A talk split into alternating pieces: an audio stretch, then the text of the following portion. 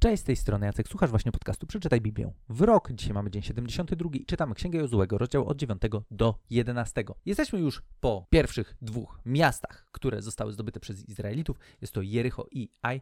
No i tak naprawdę te historie z tymi miastami wywołały niemałe zamieszanie, jeśli chodzi o ludzi, którzy mieszkali w tamtej e, no, okolicy, no bo nagle się połapali, że hej, y, my chyba będziemy kolejni. No i między innymi byli tam tacy ludzie, którzy mieszkali w Gibeonie. I z nimi też wiąże się bardzo ciekawa historia, którą czytamy w rozdziale 9 Księgi Jozułego, która znowu będzie dla nas bardzo wartościową lekcją związaną z tym, w jaki sposób przełożyć pewne ważne zasady biblijne na nasze życie. I tak naprawdę to, o czym dzisiaj będziemy rozmawiać, nawet niekoniecznie jest szczególnie jakąś bardzo taką, wiecie, rzeczą, która, nie wiem, musisz czytać Biblię, żeby to zakumać, ale często może być tak, że e, nie jest to wcale koniecznie takie oczywiste, bo żyjemy w świecie, w którym, wiecie, umowy podpisujemy na okrągło. Oczywiście często jest tak, że e, podpisujemy jakieś umowy, niekoniecznie czytając o co tam chodzi, jak coś idzie nie tak, to wtedy patrzymy, co tam takiego w tej umowie zapisane było. Kilka dni temu rozmawialiśmy też trochę o tym, jak funkcjonowało coś, co się nazwał przymierzami w ówczesnym świecie. No i to jest bardzo ważny koncept, który jest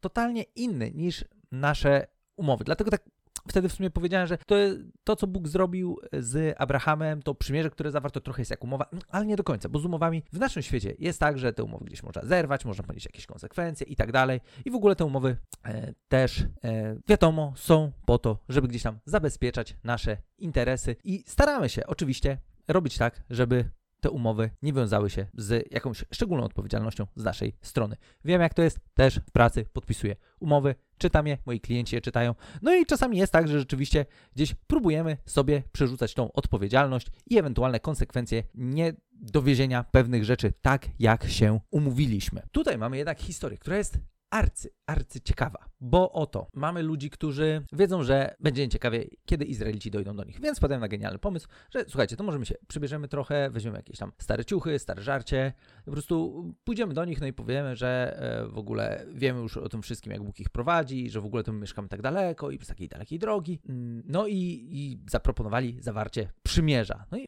ma to sens z ich perspektywy, tylko że tak naprawdę to, co oni mówią, pod kontekście tego przymierza jest zwyczajną ściemą. Zrobili Izraelitów w bambuko. Nie wiem, czy mieli jakiś spisany kontrakt. Raczej nie mieli. To nie były takie czasy jak u nas, że my, żeby zawrzeć jakąś umowę, musimy, wiecie, mieć masę podpisów i tak dalej, żeby później, wiecie, się pozabezpieczać. Tutaj sądzę, że oni nie mieli tego spisanego w żaden sposób. I jednocześnie zrobili ich zwyczajnie w bambuko. Nie mieli rozpiski, że ej, słuchajcie, e, a jeżeli okaże się, że to, co mówicie jest nieprawdą, to, to my jesteśmy zwolnieni z dotrzymania słowa. Nie. Historia wyglądała tak, że przyszli do Izraelitów, i powiedzieli następującą historię. Przychodzimy, jako wasi słudzy, zawrzyjcie z nami przymierze. Ten chleb był jeszcze ciepły, gdy go pakowaliśmy przed podróżą do was, a teraz jest suchy i skruszały. Te bukłaki były nowe, gdy napełnialiśmy je winem, a teraz spójrzcie, są spękane. Podobnie nasze szaty i nasze sandały zdarły się z powodu długiej podróży. Totalna ściema, o czym czytaliśmy kilka wersetów wcześniej, znaczy jeżeli czytaliście, to jeżeli nie czytaliście, to sobie przeczytajcie. Tam jest opisane te całe, wiecie, przygotowania do tej wyprawy, która była jedną wielką ściemą. I czytamy dalej, że przedstawiciele Izraela skupili się na tych ich dowodach, ale Pana się o radę nie pytali. Jozue zawarł więc z nimi pokój i przy, wszedł z nimi w przymierze. Obiecał, że zachowa ich przy życiu, a książęta zgromadzenia potwierdzili to przysięgą. Jednak po trzech dniach od zawarcia przymierza wyszło na jaw, że ci ludzie pochodzą z bliskich okolic, że właściwie mieszkają pośród nich. Izraelici ruszyli w drogę i trzeciego dnia przybyli do ich miast. Był to Gibeon, Kefira, Berot i Kiriat Jarim. Nie mogli ich jednak pobić, gdyż książęta zgromadze, zgromadzenia złożyli przysięgę na Pana Boga Izraela, że zachowują ich przy życiu. Zgromadzenie zatem zaczęło szemrać przeciw swoim książętom. Wtedy wszyscy książęta oświadczyli wobec zgromadzenia, złożyliśmy im przysięgę na Pana Boga Izraela i teraz nie możemy ich tknąć. Jest jednak coś, co możemy uczynić pozostawiając ich jednocześnie przy życiu i nie ściągając na siebie gniewu z powodu naszej przysięgi. I tu rozstrzygnęli, niech pozostaną przy życiu, lecz niech służą przy rąbaniu drewna i roznoszeniu wody dla całego zgromadzenia. Historia naprawdę świetna. Świetna w tym, jak tamtym się udało, no bo zwyczajnie im się udało. Uszli z życiem, żeby nie było. Mogło się skończyć dla nich dramatycznie, ale Izraelici poszli na tą zmyłę, na tą ściemę, którą przygotowali Gibeonici. Dlaczego dali się zrobić? Ano dlatego, no właśnie, jak czytamy w wersecie 14 rozdziału 9, przedstawiciele Izraela skupili się na tych ich dowodach, ale Pana o radę nie pytali.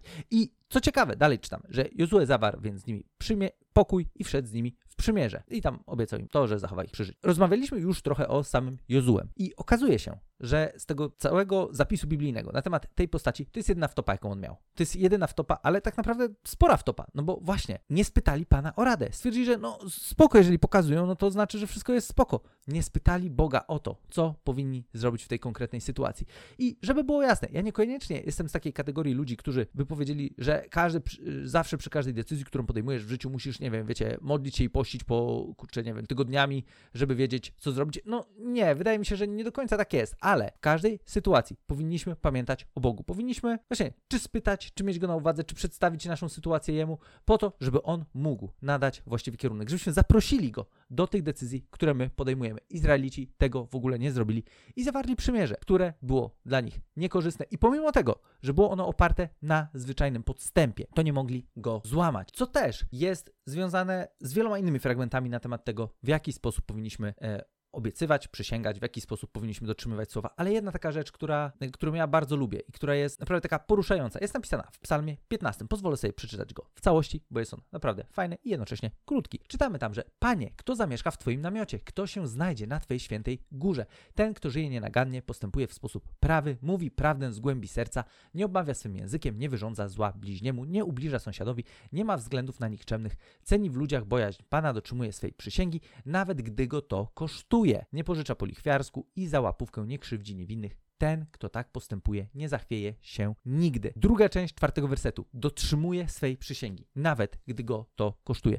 Nie wiem, czy mieliście też już takie sytuacje w życiu, w którym zdarzyło wam się zwyczajnie coś obiecać, do czegoś się zobowiązać i później się połapaliście, że no w sumie to, to nie chcę, w sumie to chciałem się z tego mignąć, wykręcić. Osobiście miałem jedną taką historię w pracy, którą pamiętam do dzisiaj, która dzisiaj jest dla mnie trochę niezrozumiała. Ale właśnie, powiedziałem, że coś zrobię. Powiedziałem, że e, tutaj konkretnie chodziło o, o zwrócenie jakichś tam kosztów poniesionych przez klienta, co nie było związane z moją winą co nie było w ogóle e, związane z jakimś błędem z naszej strony czy ze strony mojego zespołu, no ale jednak gdzieś tam w przypływie emocji powiedziałem, słuchaj, jak ci się nie podoba, to my ci zwrócimy i spadaj na drzewo. Ten czy nie powiedziałem spadaj na drzewo, ale zwrócimy ci i po prostu e, się rozstańmy, żeby było miło. I powiem wam szczerze, byłem załamany tym, że ta osoba Zwyczajnie. Powiedziałem, okej, okay, dobra, spoko. Ja tak wiecie, na drugi dzień ochłonąłem, wiesz co, no ale dobra, tak naprawdę wykonaliśmy kawał roboty i ta robota była wykonana zgodnie ze sztuką, dokładnie tak, jakie były oczekiwania i to, że my teraz nie możemy się dogadać, no to nie uważam, że powinno akurat mnie zobowiązywać do tego, żebym zwracał wszystko. No i wiecie, i tutaj padło hasło, no ale powiedziałeś. No i właśnie, powiedziałem. I to była jedna sytuacja, nie wiem, czy nie jedyna sytuacja w mojej e, ka karierze, w której rzeczywiście ponieśliśmy koszty tego, że się zobowiązałem do czegoś, co zwyczajnie było głupotą z mojej strony. Ale pamiętam, jeszcze wtedy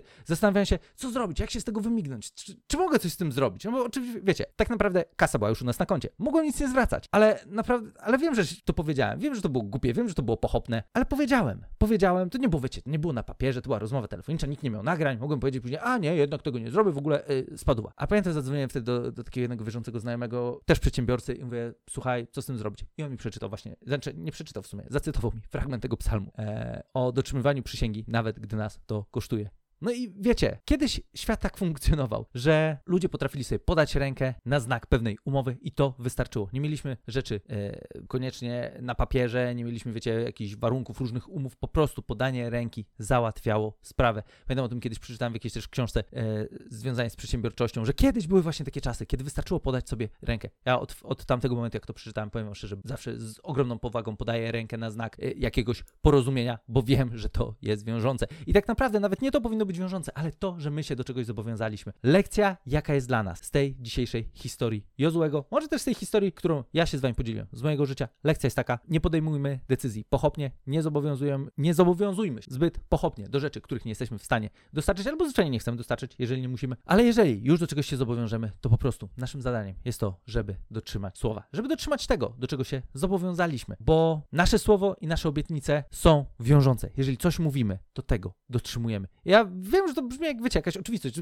Stary, nie potrzebujesz przecież Biblii, żeby to wiedzieć. No, jak wiecie, w dzisiejszych czasach okazuje się, że my często po prostu próbujemy gdzieś tam coś na swoją korzyść i tak dalej. Ja tam tej osoby wtedy też powiedziałem, słuchaj, no, uważam, że tak, tak, tak to powinno to być, no ale wiecie, powiedziałem, no ale powiedziałeś. I chciałem dyskutować, ale powiedziałeś. No dobra, okej, okay, proszę, tu jest przelew, dziękuję bardzo. E, mam nadzieję, że już nigdy nie będziemy razem musieli współpracować, a na pewno ja się na coś takiego nie zdecyduję. Niemniej jednak, Niemniej jednak lekcję wyciągnąłem z tego solidną i mam nadzieję, że też ucząc się właśnie na błędach Izraelitów, na błędach moich, e, będziemy z większą powagą podchodzić do tego, co mówimy, co obiecujemy i zwyczajnie będziemy dowozić i dotrzymywać słowa, które dajemy, bo inni na tym polegają. Polegają na tym niekoniecznie, że musimy coś pisać, jakąś umowę, ale powinniśmy być ludźmi, na których słowie można polegać. I, to, i nawet jeżeli, jeżeli był nas to miało kosztować, niech to będzie dla nas lekcja, która sprawi też, że dzięki naszej postawie będziemy w stanie żyć jeszcze bliżej Boga, bo to jest postawa, którą Bóg honoruje, nawet jeżeli właśnie jest sytuacja, która jest na naszą niekorzyść.